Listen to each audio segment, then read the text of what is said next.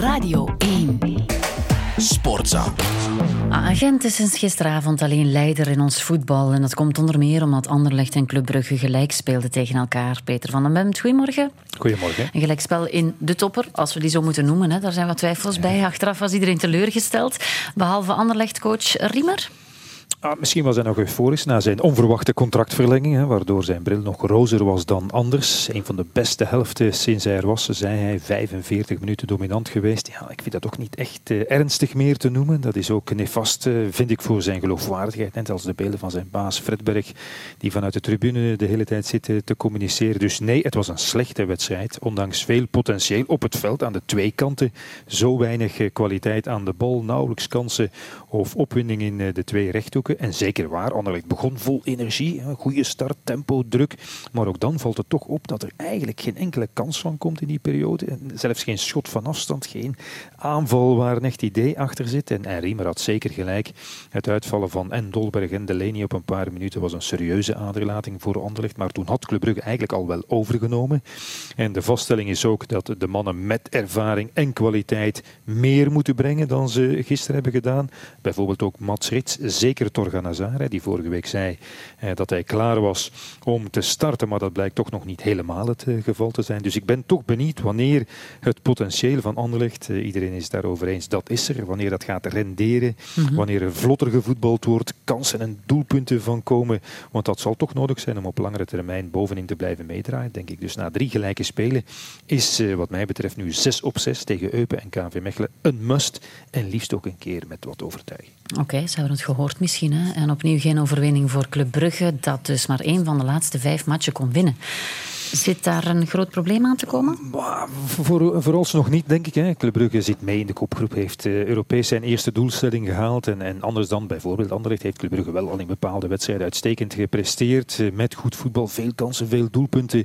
En ik uh, denk dat iedereen het erover eens is dat Club Brugge de beste kern van het land heeft. Met Racing Genk denk ik dicht in de buurt. En dus is het vertrouwen bij Club gewettigd dat het eens op kruissnelheid toch weer de beste zal zijn. Maar goed, een beetje alert blijven moet wel vind ik. Hè, de, dat over, of die overvloed aan, aan talent en klassen en keuze op het middenveld en voorin staat toch in schril contrast met de behoorlijk dunne spoeling achterin.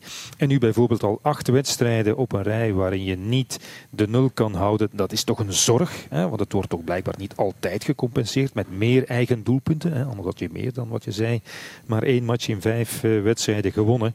En daarom is de inhaalwedstrijd van donderdag tegen Racing Genk toch een belangrijke. Hè, tegen die andere ploeg die al heel goed gepresteerd heeft of gevoetbald heeft minstens toch uh, dit seizoen. Een moment waarop uh, Club Brugge een keer een statement moet maken om te laten te zien ook dat je wellicht toch de beste bent. Ja, en in Limburg, daar was de voetballiefhebber wel aan het feest. 3-3, ja. spektakelstuk tussen Racing Genk en Sint-Truiden. En aha, afloop was wel iedereen ongelukkig.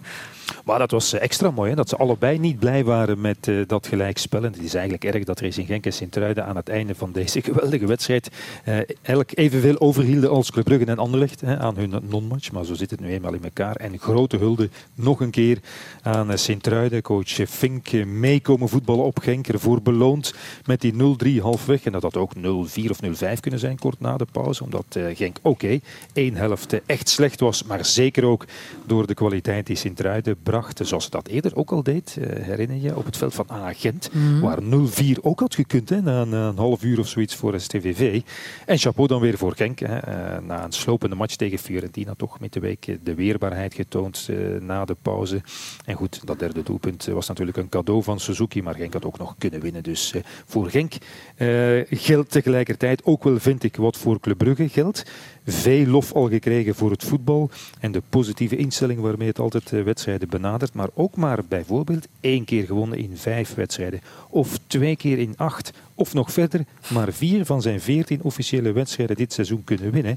Dan ga je op het einde van het seizoen misschien wel eh, applaus krijgen. Maar prijzen ga je daar toch niet mee winnen. Nee, en hoe gaat het nog met Antwerpen? Dat is niet de vrolijkste week hè, voor de kampioen. Een rammeling nee. in Barcelona en 1-1 tegen RWDM op een pijnlijke manier. Ja, 0-0 uh, was het, denk ik. Ja, zeg ik 1-1 in 0-0. Ja, ja 0-0. Sorry. en, en, en die 0-0 kwam eigenlijk uh, tegen RWDM dan harder aan dan de 5-0 in Barcelona. Ja. En dat vond ik ook terecht. Maar ik moet wel zeggen, ik was van de week verbaasd om te lezen dat uh, Paul Gijsens blijkbaar mm -hmm. toch niet happy was na Barcelona. Want hij had het over...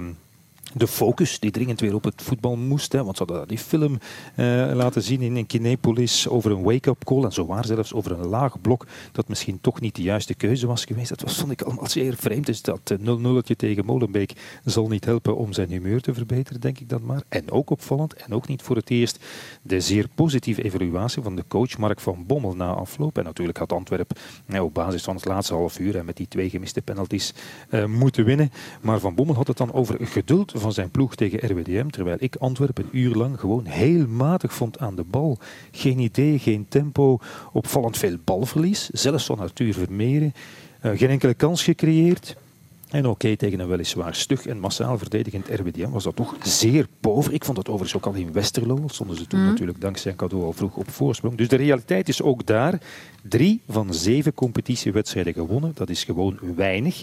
En ook voor Antwerp geldt woensdag tegen de leider Agent. Tijd om het nog een keer te laten zien. Zeg dat Peter van den Bemt het gezegd heeft. Dankjewel hoor. Sportza.